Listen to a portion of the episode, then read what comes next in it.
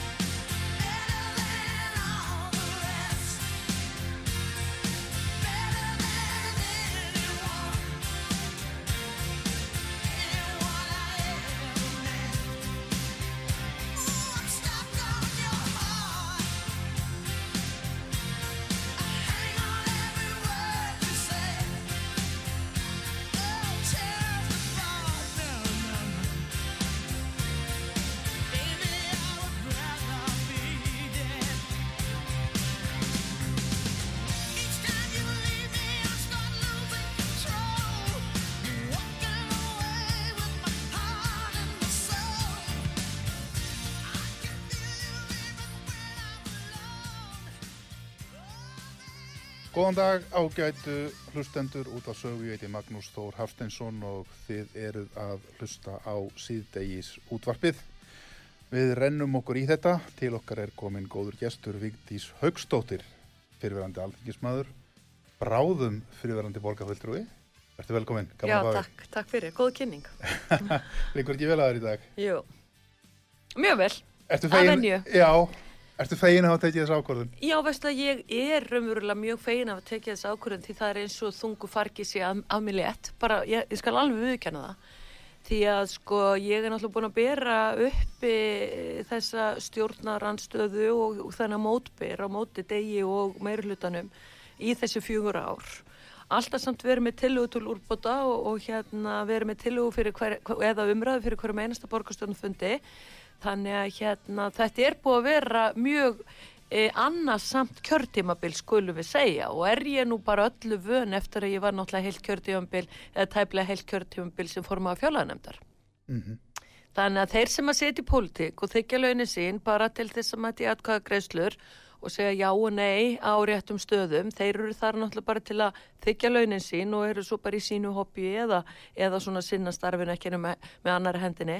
En ég er ekki þannig stjórnmálvar þegar ég er valin e, af e, e, kjósendum e, í Reykjavík ég var í Reykjavík söður sem þingmaður og svo náttúrulega e, borga fulltrú Reykjavík allra þá hérna er það bara menn karakter að ég hérna, gera alls ég get til að, að skapa bætt og betra samfélag Er þetta búið að blunda lengi þér að hætta sem borgarfulltrúi núna?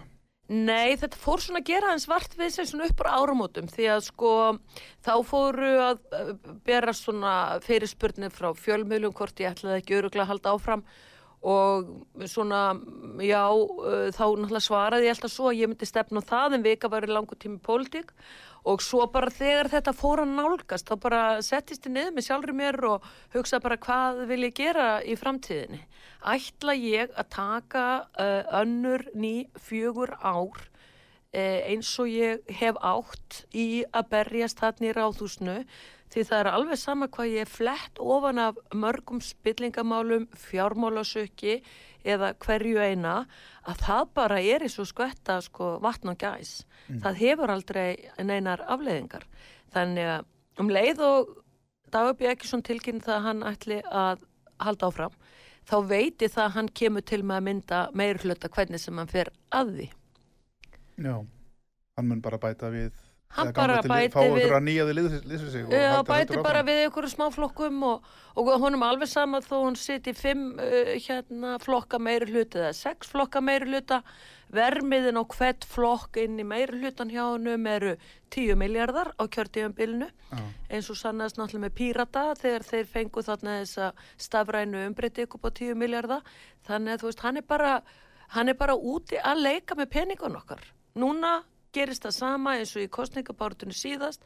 Hann er með heilsíðu auglýsingar í, í dagblóðunum hann er búin að stilla hérna upp sviðin í ráðhús sem býður eftir honum auglýsir þar grimt ykkur opna fundi til þess að kynna stefnumálinn sín.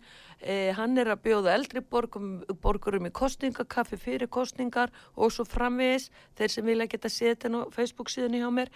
Þannig að sko þetta er svo mikið ofur efli hann notar útsvars peningan okkar í að auglýsa sjálfa sig upp í kostningabartu og þar að þau ekki hefur að rúma tíu upplýsingafulltrúa þannig að það hljótallir að sjá að þetta er við ofur efli að etja. Þú ert að segja að hann sé að misbeita aðstöðu sinni sem borgarstjóri í kostningabartunni. Að sjálfsög, Me, með þess öllu og, og öllum þessum auglýsingum og auglýsingaherrferðum, það er bara augljósmál og eh, eins og ég segi það er, svo er hann eh, sko það slingur að hann blandar sko ríkinu inn í þessa fundi þannig að þetta sé ekki eins ábyrrandi hann var með einhvern samgöngufundu daginn þar sem að voru betri samgöngur og AF og einhver aðelar sko frá hérna e, ráðuneitunum þannig að sko hann, hann blandar svona sama til að fá fallegri áferð áfundina og þetta er í beitnu útsettingu og fólk getur komið nýra á þús og seti fundina. En sko þetta það er verið að gerindutir fölsku flaggi því hann er löngu búin að hefja sína kostningabartu. Hvað er hann búin að vera borgarstjóri lengi?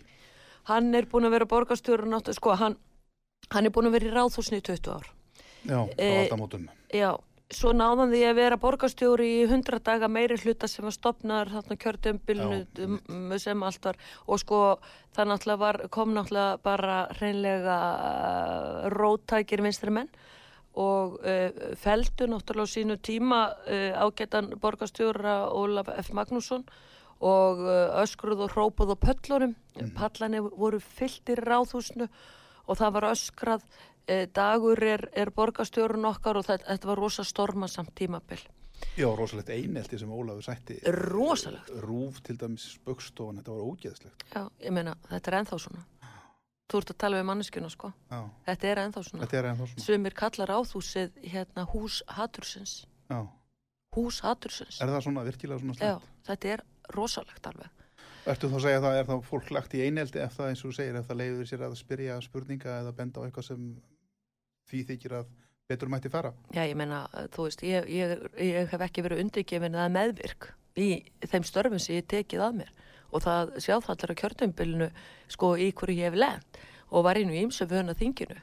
En þetta er alltaf sko þessir sko hérna vinstrimenn eins og ég kallaði þeirri satt á þinginu þegar eh, eins og ég fór í, í ræðustóli var farin að kalla þetta fólk sem voru aðalega konur krákurnar þá byrjuði það að flissa og gefla svo hana þetta er alveg sami kultur í ráðusinu mm -hmm.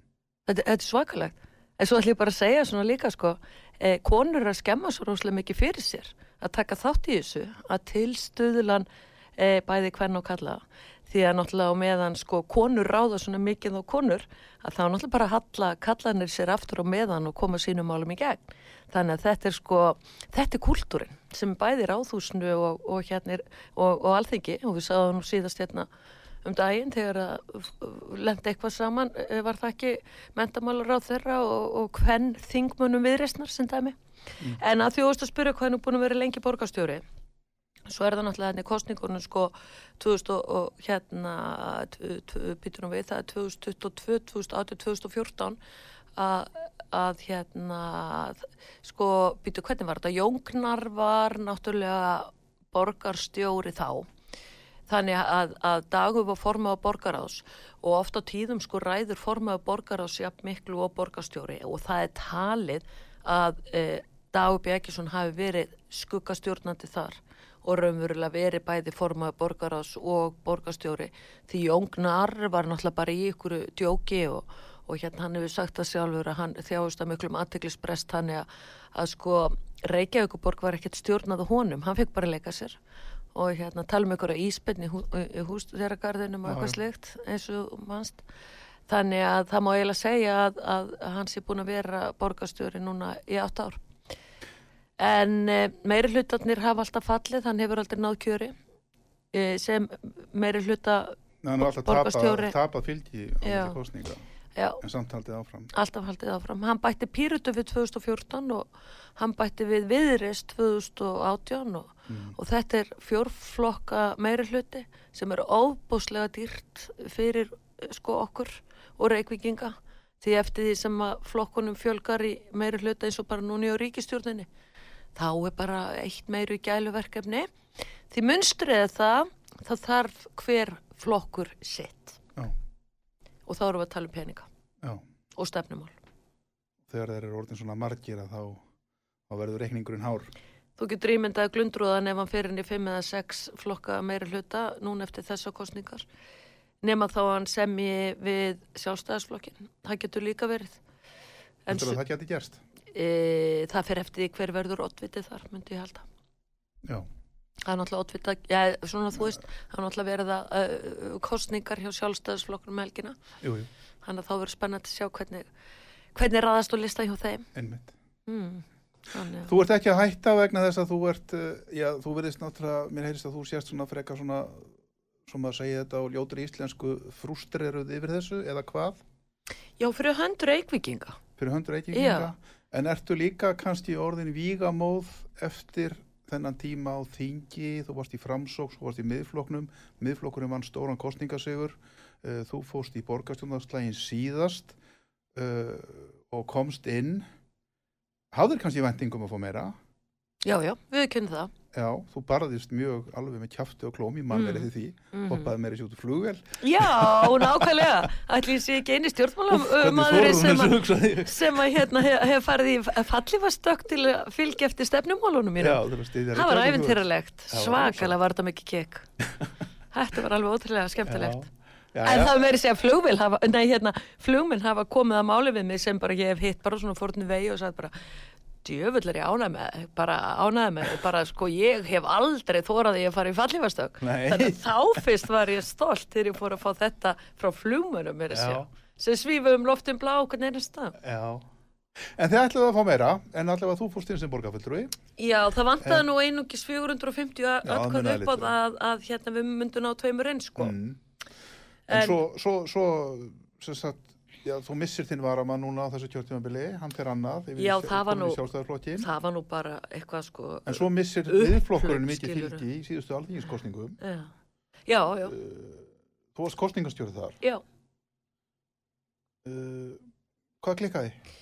Já, líklega bara, hefur þetta bara verið bara samspil af mörgu. Uh, Ég hef svo sem aldrei sest niður og skrifað neina skýslu um það, skilurum mig.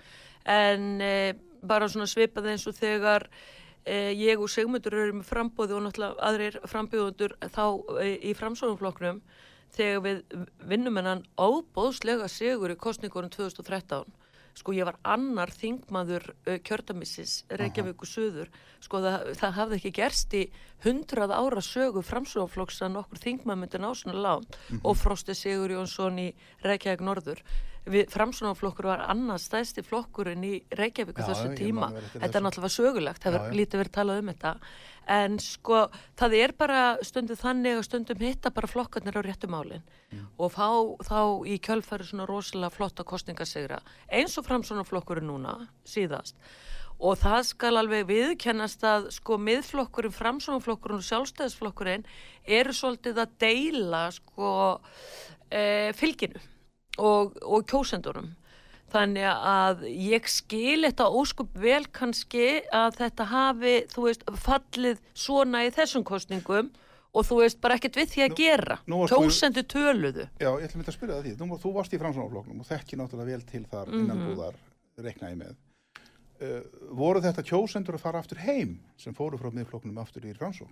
Já, Síðustu alveg, þingkosningum? alveg, alveg öruglega hérna í Reykjavík, al, alveg potið sko. Og náttúrulega þú veist, eins og segi, ég hef alltaf borið sko virðingu fyrir kostningum og að þær séu réttar, að þær séu löglegar, að það sé ekki kostningasvindl eins og uh, hérna byrtist í borgarstjórnarkostningunum síðast eins og persónuvend komst að. En eh, sko við náðum þremur þingmönnum og við þekkjum það. Ég ætla bara líka þessu saman við það. Þegar 2013 þegar við vinnum þannig svakalega sigur uh, þá ég og, og Sigmund Davíð í fransáfloknum þá hrinur samfélkingin er í þrjáþingmenn alveg svo miðflokkurinn núna. Þannig að við höfum séð bara í nútímanum, bara frá síðustu aldamótum, svakalegt sko fylgi, fylgishrun og fylgisaukning og sömu flokkum, svona þetta er bara svo flótolt sem skoppar upp og niður sko samfélkingi var næstu búin að hrinja út að þingi þá en það komið þarna úr ykkur óvissalustu ríkistjórn sem að, að við náttúrulega vitum um þessi vinstri stjórn þannig að þetta, svona er bara lífið í stjórnmálum og náttúrulega líklega er eh, starf stjórnmálamannsins ótryggasta starf sem að maður getur valið sér ef út í það er farið. En hvað ætlar Vigdís Högstóttir þá að fara að gera núna? Veistu það, ég veit það ekki. Ertu hætt í pólitík? Sko ég er ekki, uh, þetta er svona eins og kastljó spurningi var, ég klára mitt kjörtímabíla sjálfsögðu. Já, þú ert enn Og virki, því- þú ert enn virki, virki í flokknum, þú Já, varst að já, koma já. að fundi núna hjá miðflokknum í hátteginu. Já, já, við vorum að fjalla, eða það var uh, gesta fyrirlesar að fjalla um, um uh, ástandi í Úgræðinu, þannig að... Það er líf í flokknum. Já, já, sko það er nefnilega það skemmtilega við það, að sko náttúrulega, svo tala ég kannski fyrir hönd allra stjórnmálamanna núna, en COVID hefur ekki farið vel með flokka og COVID fór náttúrulega ekki vel með e, e, miðflokkin í þessari kostningabaratu. Við veitum það. Og náttúrulega ríkistjórnarflokkarinn náttúrulega heldur sínu og, og það var náttúrulega ómulegt að komast að nokkuð staðar, e, e, bara þú veist, það var, það var fundabann, skilur Þú veist, þegar, þegar ég verið að taka þátt í kostningabartu þá erum við að fara inn á alla þessa fjölmunni vinnustadi, við erum að halda sko 200 og 300 manna fundi, formanna fundi og allt þetta skilurum mig, þetta var bara að skrúfa niður. Þannig að ytri aðstöðuna voru svo erfiðar okkur líka. Þannig að, og ég minna aftur á það eins og þú sagðir, að þegar miðflokkurinn fer fyrst fram til alþingis, þá, þá næra þeim árangri að að um, skora hæst í kostningum sem nýr flokkur í frambóði Já, sló Íslandsmet. Og svo, þú veist, skulum við, já, akkurat. Og svo náttúrulega voru erfileikar þarna á, á kjörtíðanbylnu sem að, þú veist, það er óþarf að rifja upp marg, margtuggið og endurtekið. Þannig að já, ytri aðstöður voru okkur ekki góðar. Þannig að, en ég tek það fram ég er ekki að hætta í, sem borgarfulltrúi út af því að ég sé hrættum að ég myndi ekki ná kjöri. Því að, e, alltaf því ég hef gof- gefið kost á mér þá hef ég náðu kjöri og þakka ég bara hérna í beitni útsettingu, reikvikingu fyrir það. Þannig að það er ekki af þeim ástæðum eða út á flokknum sem ég er að hætta.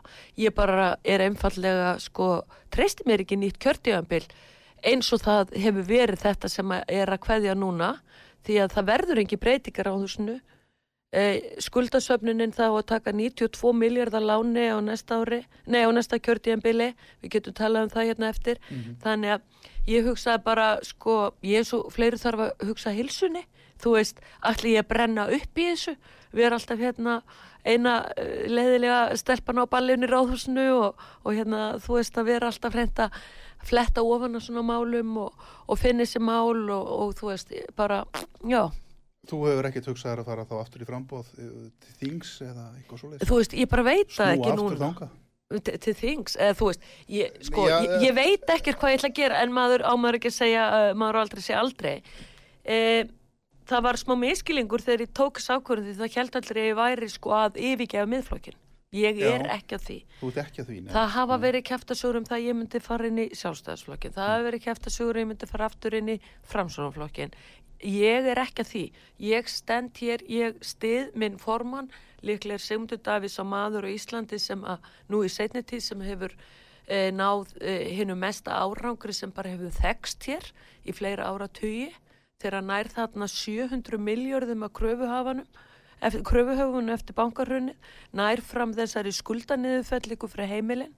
En það, vor, það voru gott fyrir anstæðing okkar þannig að hann var tekið niður eins og frækt var þú veist, það er djöflast í mér að því að ég er kannski of góð eh, eh, sko, skilur mig að, að hérna, ég er náttúrulega sjálfsögða ráðast þér á mjög valdmikla einstaklingi þessu samfélagi Hættuleg kona. ég er hættuleg kona eins og til og meins bara bensinstöðatillin Já. annað dæmi hvað skildi Rúf hafa borga fyrir e, það að gera hérna söngvahöllina upp fyrir Baltasar Kormák núna í, í þessu Eurovision dæmi akkur var ekki söngvakeppnin haldin, haldin í hörpu sem tekur þúsund manns? Hvað er þetta til dæmis? Og svo bara helgin eftir að Eurovision er búið þá bara er, er sama aðila bara afhend næsta höll við hliðina hérna upp í, í Guðunessi fyrir einhverja smápinninga, 350 miljónir.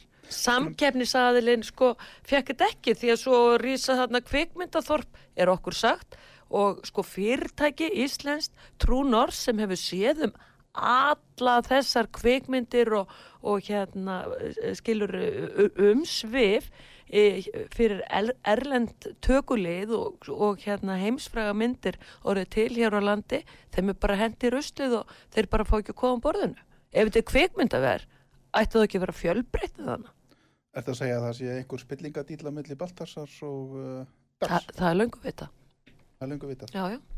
það þarf bara að skoða fyrirtílinn sko. Því að þarna fylgdu með lóður og annað sem að voru svo seldar. Þetta er svona byggingaréttamál alveg eins og með bensinstöðadílinn þetta er byggingaréttamál oljufélögin fengu lóðirnar uh, ókeppis uh, út af því að voru með stöðvar á lóðunum og fengu allan byggingaréttin gefis upp á 20 miljardar í fyrstu umferð svo eru framtíðasamningar sem að ég get ekki lagt mat á því ég veit ekki hvernig það komið til framkvæmda og þeir eru 5 eða 10 eða 15 ári inn í framtíðinni en við erum að tala kannski bara með við verðlag dags í dag 100-150 miljardar sem er verið að færa oljufélagunum og dagur þar með að afhenda auðlindir og, og gæði Reykjavíkur til þess að hjálpa þessum uh, oljufélögum að umbreyta sér í uh, fastegna og fjárfestingafélög. Hvað finnst fólki um þetta? Veistu það, þetta fær enga eru Eng, ég nægis ekki gegnum fjölmiðla. Nei. Þetta eru kannski vinnubröð sem menn hafa viljað uh, klína svona frekar á hægri flokkana eða framsónaflokk og sjálfstæðisflokk í gegnum tíðina en þú ert að segja að þetta sé að gerast hjá inni, hvað hefum að segja, hjartarheinu samfélkingu. Já. Mm E, e, fyrir bankarhun, þá sagði Össur Skarpíðinsson þessa gullvegu setningu að samfélkingin hafi verið komin aðeins of langt í vasana hjá baugi. Já, E, Oljufélagsdýlin er til dæmis það við ég hvet hérna hlustendur til að skoða það hverjir eiga. Eiga oljufélagin. Ég get bara nefnt sér dæmi að því að ég var að tala um baug að eignarhald sjæl er til dæmis sannig að við, það er til dæmis Jón Ásker. Þú veist, ég er að díla við svona valdamikla mennskilur, þú veist, með því að bens, benda á bensinstöða og, og, og, hérna, og, já, bensinstöðadílin en þú veist, skiluru, og ég fæ það alveg rosalega mikið tilbaka, skiluru, þú veist, í gaggrinni, e, í einelti, það er ráðist á mína personu, það ganga við tölun út á, en ekki það hvað ég hef efnislega að segja. Mm þegar ég er að fletta ofan, fletta ofan á svona málum. það talaði þetta með þegar þú ert kynnt í kastljósuna að þú sért umdeild og umtöluð og eitthvað svona skilur. Það byrjaði á því að tala niður til hinn. Já, já. Þetta er alveg ótrúlega vinnubröð. Já, og þú veist, þetta er rúf, sko. Já, ég veit það. Og svo frétti það nú að borgarstjórnafundi gæra að að Gísli Martin hafi nú tekið eitthvað snúning á mér í þættunum hans, eitthvað skemmtið þáttur sem að, að hérna, þú veist, bara, þú veist, en já, já, tölmur rúf, tölmur rúf. Finnst þér það ekki líka alveg ótrúlega skrítið eftir að hérna ég var eld af aðalega einu starfsmennir ráðhúsi fyrstu tvö árin því það átt að knesetja mig, það átt að koma mér út úr ráðhúsinu. Það átt að láta mig gefast upp og hérna það var hérna embætsmenn sem tóku fullan þátt í því. Einn af þeim er Stefan Eriksson og hann fer úr ráðhúsinu. Mm. og það er með ólíkindum að framsunarflokkurinn hafi látið hann hafa stól út af stjóra og það ræður hann ríkjum hægri hönd Dagsby Ekkersonar ég veit alveg að hérna þessi listi sem að þessi þáttastjórnandi sem er vist formaða Blagamannafélags Íslands var með í þessu kastljósviðtali tuldraðist þarna upp með eitthvað lista hérna um mig. Ég veit alveg að það var ekki hún sem að skrifa þetta. Annarkvart kom þetta frá útastjóra sjálfum eða ofnur ráðhúsi. Frá upplýsingafullur um tíu. Já Svo þurft að ráða einn yfir upplýsingafulltrú Er, er það satt? Já, svo þurft að ráða einn yfir upplýsingafulltrú til að fá stjórn á liðinu, já, öllum millistekjónum þannig að þau, það, það eru 11 skilurum mig. Þannig að þú veist sko, þetta er svo rosalega sko afhjúbandi fyrir Rúf og, og borgastjóra og Stefán Eiríksson sem borgastjóra, nei hérna sem útastjóra að hérna að ég skuli vera eld inn í viðtöl af vandamálun ráðhúsins. Hann fór, hunskaðist í burtu þegar hann uh, kallaði okkur borgarfulltrú í minni hlutanum tutt á skólalóð. Mm -hmm. Þá viss hann að hann gekk á land. Já. En þá skreiði hann upp í rúf og þá sagði ég líka við fólk hvort er verra fyrir mig að hafa Stefan Eriksson sem anstæðing í ráðhúsinu sem borgarréttara eða útvarstjóru og rúf og fólk gæti ekki svaraði. Þannig var, var, var þetta orðið tvívaldað sko. Já. Svona er Ísland. En ég var í ágættu viðtali á hins vegar hérna rástfu á 15. sama dag og Kastljósi var. En það er svo merkilegt að um leið og ég hérna var búin að tilkynna það ég ætlaði ekki að halda áfram þá fekk Rúfa alveg rosalega náhuga á mér og þetta er nú bara ekki búið að gera síðan ég var bara þingmar og formað að fjála nefndur að, að ég fekk bæði Kastljós og, og viðtali síðdegisútvarpi á þessari stopnun sem að það er nú heldur betur að taka til á. En hvernig er það? Nú, nú, nú hefur líst því að hérna, þú ert búin að vera mjög innbytt í þinni stjórnarhansstöðu í ráðhúsinu og stjórnarhansstöða skiptir mjög miklu máli í líraðisjóðufélagi. Það er hlutverk mitt. Það er hlutverk þetta að mm. veita aðhald. Já.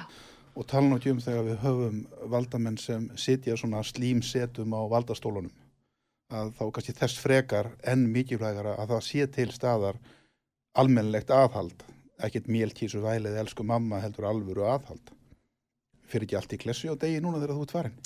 Jú, alltaf fá ekki frákvarsenginni Eða missi bara tök og öllu saman. Já, það, er engin vigtís til að stoppa hann af neinstæðar Nákvæmlega, akkurat. Guð, þetta verður agalegt fyrir hann kallgreið Ég vil líklega fara bara að drifum á pallana bara koma á til á pallana. Garga þar. Garga þar, nei þau mútu garga mig. Að því náttúrulega dagur missi sig sko uh, af og til Já. og þá veit ég, á, veit ég að ég er rétti braut. Og það, það er engi sjón að sjá þegar að missa sig en, en þá veit ég að gera rétta hluti. En sko til að byrja með þá er, þá er þetta lögbundu hlutverk mitt að halda, hafa aðeins. Já, algjörlega og uh, sko þegar er minni hlut og meiri hluti uh, og maður ræður einhver minni hlut og það er alveg sama hvað maður kemur góða tilugur þau eru stráfældar og allt þetta skilur mig þá er náttúrulega voða lítið annað eftir en bara sína þetta mikla aðhald og gaggrina Er það svo í ráðhúsinu að eru allar tilugur frá minnulutanum feldar, alveg saman hversu góðar þar eru? Já, það eru bara örfár tilugur allt þetta kjörtímabil sem hafa verið samþyktur og þær hafa verið sko alveg borlegjandi en sko það sem þau gera með góða tilugur sem þau trausta sér ekki til að fella þau vísa tilugunum inn í ráðin aftur sko, Já, svæfaði þannig, svæfaði þannig. Og þetta er náttúrulega rámt samkvæmt sveitastjórnarlögum því borgarstjórnir fer með aðsta málefni sko, sveitafélagsins mm -hmm. og þá eru þeir að, að vísa tilögunum í, í neðra sett stjórnvald. Ég hef gaggrind þetta rosalega svo bara þú veist bara netti því ekki lengur sko því ég er ekki hlustað á mig. En þú talaður um slímsetu. Þegar fólk er komið með svona mikla slímsetu mm -hmm. er búið að vera í ráðhúsinu 20 ár er búið að ráða alla embætsmennina sem starfa allstæðir í kerfinu er orðið svo valda mikill mikil að, að það hlýða allir mm -hmm. þeir sem ekki hlýða í ráðhúsinu og hjá borginni fyrst eru þau laður í einelti og svo eru þau reknir eða þeir flýja mm -hmm. það er rosalegt einelti Þetta verður svona pútínst ástand. Já, og bara það sem að maður er búin að heyra og fá bref og kvartanir. Núna síðast naflus brefi sem var stílað á borgastjóra varðandi e, eitt sviðstjóran og við e, Kolbrún Baldstóttir sem er náttúrulega sálfræðingur tókum höndun saman og ætluðum að gera eitthvað í þessu þá var sagt er ekkert að gera í þessu að þetta er naflust. Það er rosalegt ástand í, í embatsmannakerfinu og sko þá er ég að tala um stjórnkerfið og þetta hríslast niður í sko hérna undistofnanar og inn í skólan og inn í leikskóluna þetta er orðið, það, það, ég hef aldrei séð svona sjúkt ástand eins og hjá borginni. Og það er út af því að það er hálg, hálgert Pút, Pútinst ástand á þessu öllu saman. Mm -hmm. að að einn maður sem ræður hann öskrar, þá þór ekki hópurinn annað en að hlýða það er mikil vinavæðingarna ef það er ráðin sko, nýrina inn í sko, hérna, skristubatteri þá er það annarkort uh, sýstir, eigin maður, frænka þú veist, skilurum mig sko það þyrti svoleiðis að fara þannig uh, ná hreinu meiri hluta og móka flórin eins og ég hef sagt mm. en nú ætlum ég að segja ég er ekkert að ráðast á starfsfólki því ég er alltaf sökuð um það mm. Þegar ég hef verið að gaggrína stjórnina. Já, já. þetta er náttúrulega stjórn ég er að gaggrína stjórnun á borginni ekki starfsfólki sem vinnur þarna. Mm. en sko ef að þú ert ekki góðu stjórnandi eða það er allt löðrandi í einelti og viðbjóði á svona stóru vinnustad sem telur 12.200 manns. Stærsti vinnustadar ekki Já, það sko það er búið að fjölga um 20% starfsmönnum í starfskerfinu eh, stjórnkerfinu bara þessu kjörtjöfambili hvað er það? En að tryggja sér völd, tryggja sér atkvæði tryggja sér svona ykkur svona rúsneska kostningu og bara e, Nokkur þúsund manns sem hafa pæst við. Ekki nokkur þúsund manns, ekki, ekki alveg svo en þetta er inn í stjórnkerfið en ekki inn í grunnstóðunar sem að e, vantar starfsfólk eins og leikskóla, mm. grunnskóla e, hjúgrunarheimil og annað. Báknið er að stækka það er búið að taka tvö eða þrjú ný húsnæði á leigu fyrir borgina út af því að ákveðna skristúfur eru búin að stækka svo mikið. Eins og til og meins það hefur verið að útvista hérna skristúfin rendurskoðanda í eitthvað annað húsnæði að þeir voru á litið að þeir voru búin að fjölga svo starfsmönnum. Og svo þú veist hvað er það eftirlitið? Og hver og hafa eftirlit með eftirlitinu? Það er nú það. Það er nú það. Því að ég er sko með eftirlit og svo á ég geta leita til innri ennskoðanda til þess að hann geti farið í eftirlit með því sem að ég er að segja. En þú veist, þú, það veit allir hvernig brakkinn fór, það var aldrei farið ofinni reikninga eða neitt, hvert hvað er þessar 500 miljónir eh, þessar 500 miljónir eh, þessi eina brakkakróna liggur? Nei. í hvaða hús fór þetta? Í hvaða sumapústa fór þetta? Þetta er ekki nýru Nei, þannig að það, já. Góður hlustundur, Vigdís Högstóttir er hjá okkur gestur í sítiðis útvarpin í dag. Ég heiti Magnús Stór. Við tökum auglýsingar hlje en komum aftur á eftir.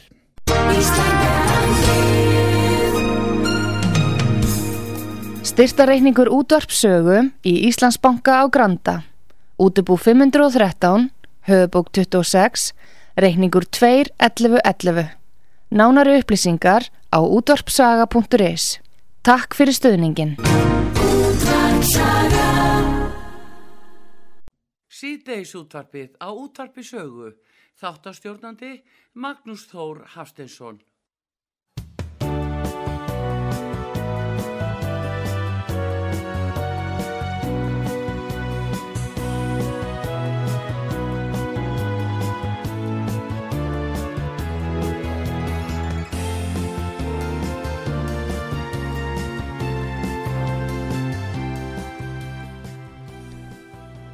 Komið sælættur, Magnús Stór heiti ég og þeir eru að hlusta á síðdeis útvarpið á útvarpið sögu. Það er Vigdís Högstóttir, fyrirverandi alþingismadur og bráðum fyrirverandi borgarfullrúi sem er hjá okkur. Uh, fengum hana til að koma að hinga vegna þess að hún gaf það út núna uh, í síðustu viku að hún ætlaði ekki að gefa kost á sér, allavega ekki í fyrsta sæti, en kannski neðar. Já, ég er búin að tala um það að ég ætla að taka heiðursætið. Já, þú verður þess að stá listanum, þú ert áfram með miðfloknum Já. og, Og er er- að, eru menn að, hvað ég var að segja, endurreisa, ekki kannski endurreisa, en, en svona, er fullur hugur í fólki þar? Já, mjög mikill hugur og við erum búin að uh, koma saman oft hér eftir COVID. við vorum með hérna á formann og fundi síðastliðin sunnudag, það voru millir 60 og 70 manns, þannig að það er rosa hugur í fólki.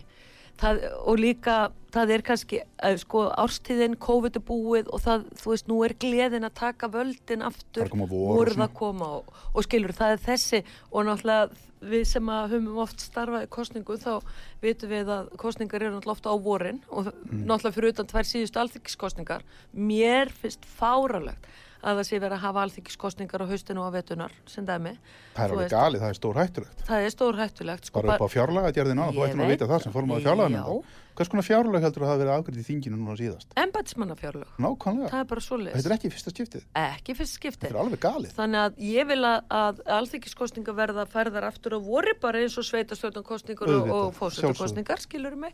Þannig að það er alltaf þessi stemmari og sá stemmari í loftinu núna síðu sveitastjórnarkostningar. En bara það er svona til síðs hjá flokkunum að, að þeir sem að, að, að, að draga sig í hlje, að þeir taki heiðursætið á Mm. listunum þannig að ég ætla að gera það. Þannig að það er fullur hugur í okkur og ég að sjálfsög tek þátt í þessari kostningabaratu og kem til með að leiða oddvitan áfram í því. Hefur ekkit samvinskupið yfir því að þú setja eti honum á foraðið? Nei, nei, nei, nei. Þú veist, hann alltaf tekur ákvörnum það og, og við, þetta er náttúrulega frábær maður. Ómar, Ómar, hann var sveitastjóri fyrir vestan, hann er vestfyrðingur og þú kannski við þurfum þekkir náttúrulega hann. að fá hann í viðtöl. Nei, ég hef bara fylgst með svona Já, tíðina. endilega að fá þenn viðtal því að sko hann hefur frá svo mörg að segja Mm. hann er atvinnreikandi, hann er frungull hann er útflytjandi hann er með þessa sveitastjórnareynslu sko þetta er bara, þetta er rosa flottu maður Við búið út á landi og allt þetta, já, já. Já, já, og náttúrulega þekki líka sveitastjórnarmálin út og einn og náttúrulega hefur ekki umbyrðalindi fyrir þessu kjaftaði sem er, gengur á hérna í borginni varðandi fjármálin verandi búin að vera sko út á landi sveitastjóri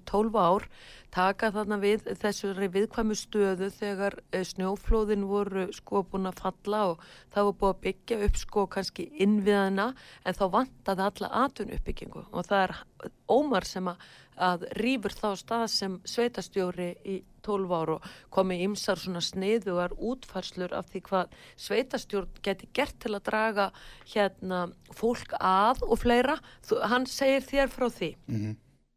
En hérna, já, hann ætlar að, að, að ta- taka þetta fúlfart og ég verð með honum í því og, og hérna, og, og kem honum inn í borgamálinn. Þannig ég sé þetta þannig fyrir mér að hann verði bara fullskapaður uh, til að setjast inn í borgarstjórn, vonandi m- með annan eða og þriða mann með sér uh, ákjördag 14. mæ. Því að ég tel að uh, hann komið til með að sækja mjög mikið fylgi bæði til sjálfstæðisflokksins og uh, framsóknflokksins uh, úr þessum sko grunni.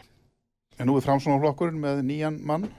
Já, hann hefur ekki nærrið þessu. Já, sem kemur á rúf. Sko, Einar er fýtt maður og hann, ég, hann hefur tekið mig í kaslu og svo fer vel á mig okkur Einari. En hann hefur ekki þess að viðtakur reynslu sem þarf til að setjast inn í borgarstjórn. Eh, nema þá kannski að hlaupin inn í að meiri hluta og, og fá ykkur formensku í nefndum og kannski, að og, og kannski vera hérna já, og vera kannski stjórnaforma orkvöðu Reykjavíkur skilur mig. Það, sko, það er náttúrulega náttúrulega meiri sko, hérna, reynsla sem að Ómar hefur. En þú veist, ég er ekkert að baktala eina Nei, nei, nei, skilur um náttúrulega ekki fram svona að flokkin og, að- þú veist, hann náttúrulega bara kemur hérna líka fattur um mig. En hann er bara svo allt unnu típa og, og, og þú veist. Já. En, en einmitt með Reykjavík og þetta þegar þú horfur um öxl og svona þetta kjörtímanbyrg sem er að verða búið. Hver eru stærstu mistök meiri hlutans á kjörtímanbyrginu? Já, það eru, já, sem að hefur fjöldþætt og viðtæk áhrif eh, á rosalega marga. Það er svo stefna halda Reykjavík og borgi heima tilbúnum loðaskorti Já. sem að hefur leitt til þess að fastegnaverð hefur hækkað og hækkað og hækkað. Eh, unga fólki okkar kemst ekki heiman. Eh, það er verið að byggja á þessum þettingareitum. Og, er þeir sem verið- kaupa fastegnir hafa skuldsetti upp í rjáfur og núna er Akkurat. verðbólgan sennilega að fara af stað. Þetta er reikalega staða, Þetta sko. er svakalegt. og hérna þetta dagur þjónar þeim sem eiga peningana fjármaks eigandum En hvernig stendur þessi Þetta- lóðaskortur? þessi lóðaskortur er til að þjónusta fjármaks eigandum ég ætla að segja þér E, lóðaskorturinn er þannig að, að e, borgin er haldið þar. Það er bara verið að byggja á þettingareitum. Mhm. Þar er, eru hérna gamlarar búin að, að veðja á e, sem sagt hátt fastegna verða því þetta er hérna allt saman vestan ellið á að.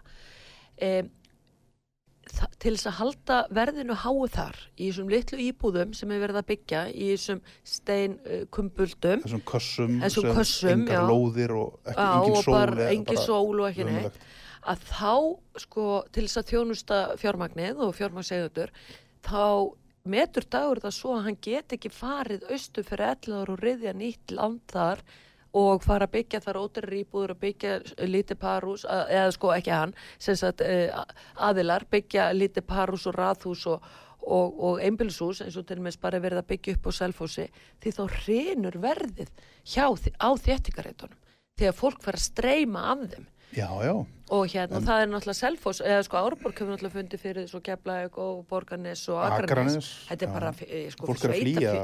sveitafjölu miklum lóma, skilur borgin er að missa fullt af fólki frá sér. Rosalegt, allt okkar besta fólk skiluru, En- en fólk sko- sem að þú veist, fjölskyldu fólkið okkar sem að, að þú veist, sveitafélaga og að veita lögbundna þjónustu og grunnþjónustu, við eigum að vera í því.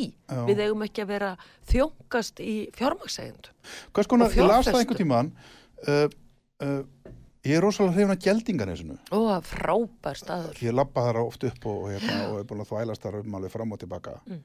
Þetta er stórkostlegu staður Já. Þetta er svo fallegt land, þetta er svo fallegt útsýnið þarna og, og bara flott byggingaland uh, Ég sá það einhvern tíman að borgarstjórn hefði ákveðið að það ætti alls ekki að byggja þar Hugsaður ef það hefði verið byggt þar mm. farið það að byggja þar upp hverfi, nýtt hverfi sem hefði bara verið eins og grafáskverfið, eitthvað svo leis. Þá erum við núna búin að leggja veg þangað út, almennilega veg, sem sagt fyrsta áfanga sundabrautar. Hvers, sko, hvers konar brjálaði er þetta að, að hérna, við sem búum í þessu landi með endalust landrými, mm. að við séum að glíma við eitthvað svona fyrirbæri eins og lóðaskort Akkurat, það er og ekki einhver uppblásna lóðaskortur bólu, nei, það, nei nákvæmlega, það er ekki land, það, það skortir ekki land á Íslandi. Nei. Og ekki Reykjavík. Við eigum, land hérna Ég er að segja það, nákvæmlega allavega upp á Kjálnes Já. og það verður þess að að fara út í, bara út í, Viðey. Ja, algjörlega, nú á borgin orði við þeir 100% Já, já. við keiftum hérna fjóra sko, meira hluti, keiftum hérna fjóra og halva hektara við þeir sem var í enga eigu á 100 miljónu, nú er, nú er við þeir komin í, í hendu borgarinnar.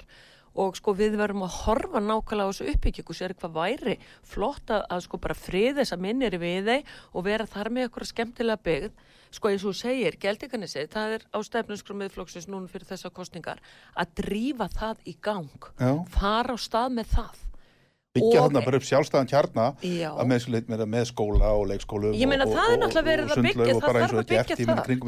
Já, auðvitað, það þarf náttúrulega bara að koma hérna inn með sko 10.000 í íbúða hverfi Já, já. á næstu 8 árum og hafa þá innviði sem þar er og hérna eins og segir flýta sundabraut, nei, nei, þá hefur dagur og, og þessi hérna samfylkinga meirhlut sem er setið meir og minni er ráðsnu óskiljanlegt. og erlistein Já. alltaf hindrað komu sundabrauta til Reykjavíkur Hvað ætla þetta sé búið að kosta þjóðfélagið? sko, sko tugi miljardar Já, að, að, Sko þegar þetta er reknað út hann í þessari skýslu þetta sé ábáti upp á einhverja tæpa 100 miljardar sundabröð komi Já, skilur mig, nei þá vil dagur tefja enn frekar og að hann vil ekki sunda brú heldur vill að sko sunda göng vitandi það að, að hlaupandi hjólandi og gangandi náttúrulega geta aldrei notað þann samgöngum átt að vera í göngum.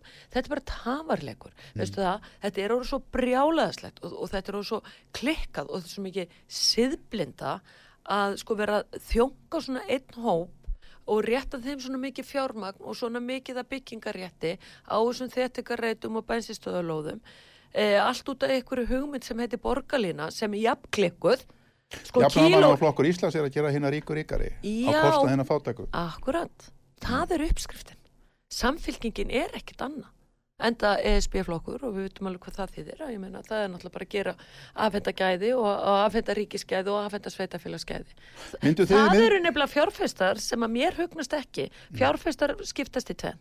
Það eru þessi fjárfestar sem að eru hálgeri rækamar og eru rækamar og sveima yfir eignum og gæðum landa. Svo eru hini fjárfestanir sem er að taka raunverulega áhættu og er að fjárfesti nýskupina fyrirtækju þá kannski með hættu á að tapa eða þá að ná einn ofsagróða eh, þegar veðið á, á réttan hesti í frumkvöðlastar sem er sem dæmi. Sko þetta, þetta er bara búið að vera gegnum gangati hér á Íslandi og það, þeir sem að, að dagur er að þjónga, það eru þeir sem hann er að gefa öll þessi gæði, gefa lóðaréttindi, ég er búin að tala um gufinnessið, bensinstöða af dýtlinn, uh, lóðaskorturinn, heimatilbúin og allt þetta. Þetta er allt til þess að færa fjármagn og gæði Reykjavíkur í hendur þessar aðila í stað þess að hugsa um að hafa nægt lóðaframbóð og fólk geti ég bara fengið útluta lóðum að fara að byggja sjálft eins og var hérna einu sinni og þá að, að, að, að borgi sér nægilega vel í stakk búin til þess að vera þá með e, ný bygging hverfi tilbúin þegar að vantar meira húsnæði Mhm. og líka við erum kannski að fá núna 3500 til 4000 sko mæður með börn frá Úkræðinu eftir því hvernig þetta gengur fyrir sig þarna úti. E, það er þvílíkur íbúðaskortur e, nú þegar á höfuborgsvæðinu hvernig sko eigum við að, að taka á móti þessu? Verður þá kannski þegar sávandi er ljós uh, kannski farið í eitthvað áttak, ég veit það ekki. Ég hef líst lóðaskortunum í Reykjavík þannig að það er neyðar ástand eins og í Vestmanæja gósunu það verður hægt að byggja hérna upp parhús og innflutta einingahús og, og, og hérna uh, fara af steinsteipu uppbyggingar væðingunni sem er ekki hér í landinu í uh, timburhús, innflutta einingahús og annað, það verður hægt að leysa þetta á einu ári ef viljum væri fyrir hendi. Ódýr hús bara sem Já, hérna, alveg og við gerum með Vestmanæja já. Eða brakka eða brakka. Ég er búið í brakka, það er mjög gott að búið í brakka. Já, ég meina það er náttúrulega verið að selja brakkaskilur það er náttúrulega, það er ekki brakki hérna, það, það er gróður og svo hell og það er brakki hérna sem séð upp í hlýðunum í já. hús er alls konar. Ég- Það er mjög ódýrt byggingaform og, hérna, og eins og segi, bara mjög notalegt. En hérna, þegar, en- þegar en- ég var á Bifröst þá, þá Já. bjó fólk þar í svona gáma einingum, þetta var rosalega hugulegt Mhm. það var bara því að vantaði húsnæði fyrir nefndur á Bifröst, Já. Þá var farið þessi leið engi kvartaði, þetta var frábært. En ég er ekki að tala um þetta, ég er kannski verið til langt Nei, nei, við segjum bara svona en sko, en, en, hérna, Reykj, Reykjavík er eitt að sveitafélag á höfuborgarsvæðinu sem á nægilegt landrými. En þá er farin þessi leið. Eru þið búin að meitla einhverja stefnusgrá í mérfloknum fyrir borgarsöndakostningarnar? Nú eru bara tveir mánuður í þetta, þetta. Við Er erum, þetta ykkar aðalmáli eða hvað? að sjálfsögðu, þetta er náttúrulega bara stórmál Og þá myndu þið vilja gera hvað? Þið myndu þá vilja fara út í þetta, skipalegja að koma fót nýjum hverfum og... Já, klára Úlfarsóstalinn eh, og, og fara út í Geldinganes og við erum að, tala líka um Kjallanes sko, Kera falleg- sundabröðin áfram? keira sundabrautin áfram, hún var náttúrulega sko aðal uh, málið líka síðan standa vörður ekki við flugvöld standa vörðum um uh, hérna fjáraborgarinnar og, og halda áfram að döflasti því Þannig- Er fjárha borgarinnar við bjargandi? Þú hefur nú talað um hana í dökkum litum. Nei, það er því miður ekki svo og nú þegar hefur uh, eftirlitsnefnd með fjármálu sveitafélaga sendt borginni bref það sem er verið að spurja út í uppgjörsaðferðir félagsbústaða og hvernig félagsbústaðar eru færðir inn í uh, hérna, samstæðureikningsskil borgarinnar mál sem að ég verið að berjast í allt kjörtíðanbili. Þar er 70 millirða gatt og það er ekki bara það að eftirlitsnefndin er að uh, spurja, heldur er ESA búin að senda tvö erinn til innaríkisráðunitisins, nei hérna innviðaráðunitisins eins og það heiti núna, áður sveitastjórnaráðuniti og spurjast fyrir um þetta líka. Þannig að þú veist, það er bara alltaf vona völ og það sem að náttúrulega var gert Ég veit að það er ekkert mjög hérna, spennandi eða sexy að tala um fjármáli kostningabártu en það verður að gera það.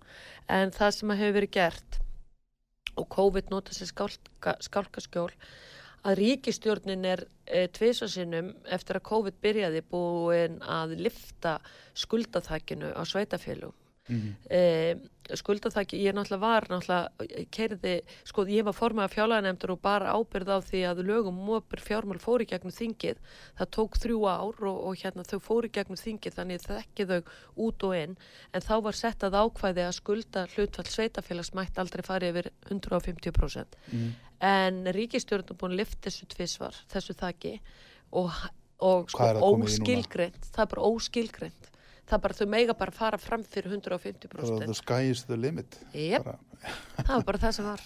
Fyrst til hérna 31. des 2022 sem að, að semst hefði verið þá í lok þess árs svo gerður þetta aftur óskiljanlegt til ársloka 2025 veistu það, þetta ættur að koma óbúslega mörgum sveitafélögum í fanguríkisins því að sko því miður er ekki stjórnmálumenn ofta tíðum ábyrgir. Þeir bara eigða með en eitthvað til. Þeir, þeir fá völd og þeir, þú veist, gæluverkefnin eru svo heillandi og þú veist uh, afla sem vinsalda og er sko, þú veist að hérna fjárfesta, eða semst þetta ekki einu sinni fjárfesta er, er, er að lifa í ykkur svona verkefnum eins og búið að vera hjá degi og kó sko.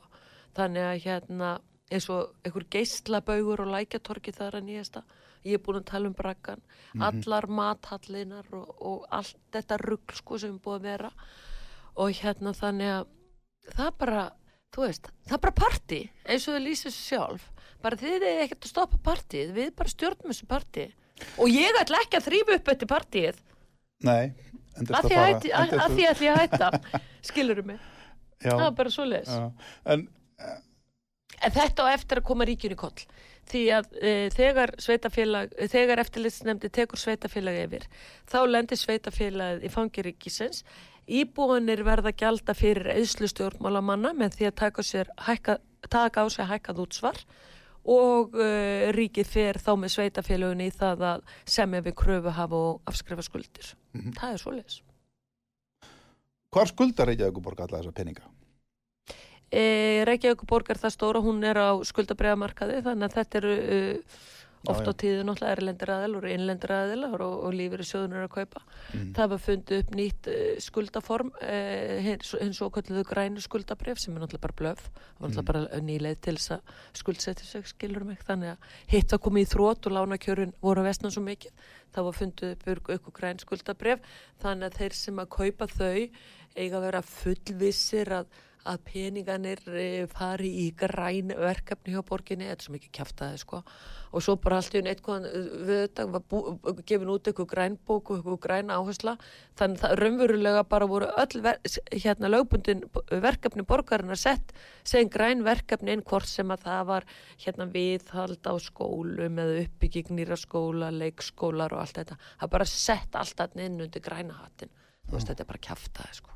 Þetta er svo mikið kæftæði, þetta er svo mikið blöf en þú veist, það bara verðist ekki að hafa einhvern veginn afl í það að flett ofan að þessu og þú veist eins og bara rannsóknar blaðmenn og annað enda náttúrulega eru fjölmennir ekki bara bullandi meðver, meðvirkir í þessu öllu saman? ekki er smá, veistu það mm. ég spurði mitt, sko auglýsingakostnarinn er hrikalega hár ég spurði um það þegar ég var nýkonin inn í borgastjórn hvað hérna hefði verið eitt í auglýsingar á 8 ára tímabili þá var það 1,1 miljardur 1100 miljónir Já. og það eru fjölmjölar og þeir get ekki hendin af þeir býti ekki hendina sem fæðir þá Nei, þannig mm. að ég held að þetta sé þessi dilemma okay. að hérna borgin er, uh, borgastöru komið það langt inn í alla þessa fjölmjöla svo náttúrulega bara, þú veist, öll þessi drottninga viðtöl, hann þarf ekki annað Það er náttúrulega allt vinir og kunningjar Já, allt vinir og kunningjar og þú veist, hann þarf ekki annað en að láta einn upplýsinga fulltrúan ringja og Jafnvel, þá er hann sjálf, koni viðtal og ég sagði, alls saman, samfélagsmenn mm. meir og minna skiluru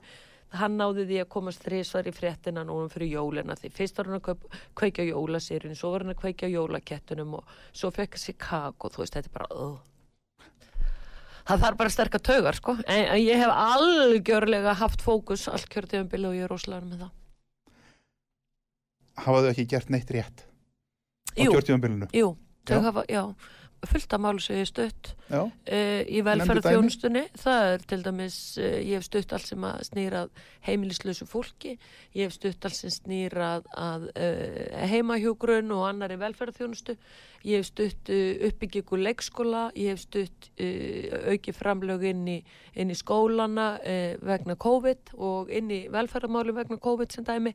Þannig að það hefur, sko, en það er kannski ekki þeim að þakka, það er heldur út af því að það er til svo óbúslega sterkur sviðstjóri sem að hefur algjöra yfir síni við málaflokkin sem er frábært við þyrtum fleiri þannig embatsmenn Þetta er að tala um Reginu Já, mm -hmm. fyrirverandi náttúrulega Bæjarstjóra bæjastjóra Akranesi Mhm. og er borgarittari þar fer flottur embatsmaður Mhm. en það náttúrulega treysti ykkur einustu tillögu sem frá henni kemur en það er ekki eins vandað sem að kemur annar staða frá þannig að sko þetta hefur verið gert en, en allt þetta ruggli sambandi þú veist við borgarlínu og ég ætla að segja það að hérna borgarlína sem engi veit hva, hvað er eða, eða hvernig verður að sko vaðalega heðagöng fóru náttúrulega fram úr öllu ríkisábyrðasjóður vildi ekki ábyrgjast lántökuna og, og ég var að þingi þegar þetta var.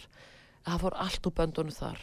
Kílometrin þar kostiði 2,5 miljard kílometrin í borgarlínu fyrsta áfanga kosta 4,5 miljard Mm. og hvað spyr ég? Hvernig er það hægt að setja 4,5 miljard í hvert kílometra í eitthvað aukutæki sem á að vera ofanjarðar og keira á sér agrinn Já, hvaða peninga hít er þarna? Hvaða umbúsmenn eru þarna baki og hvað er málið sko? Ha.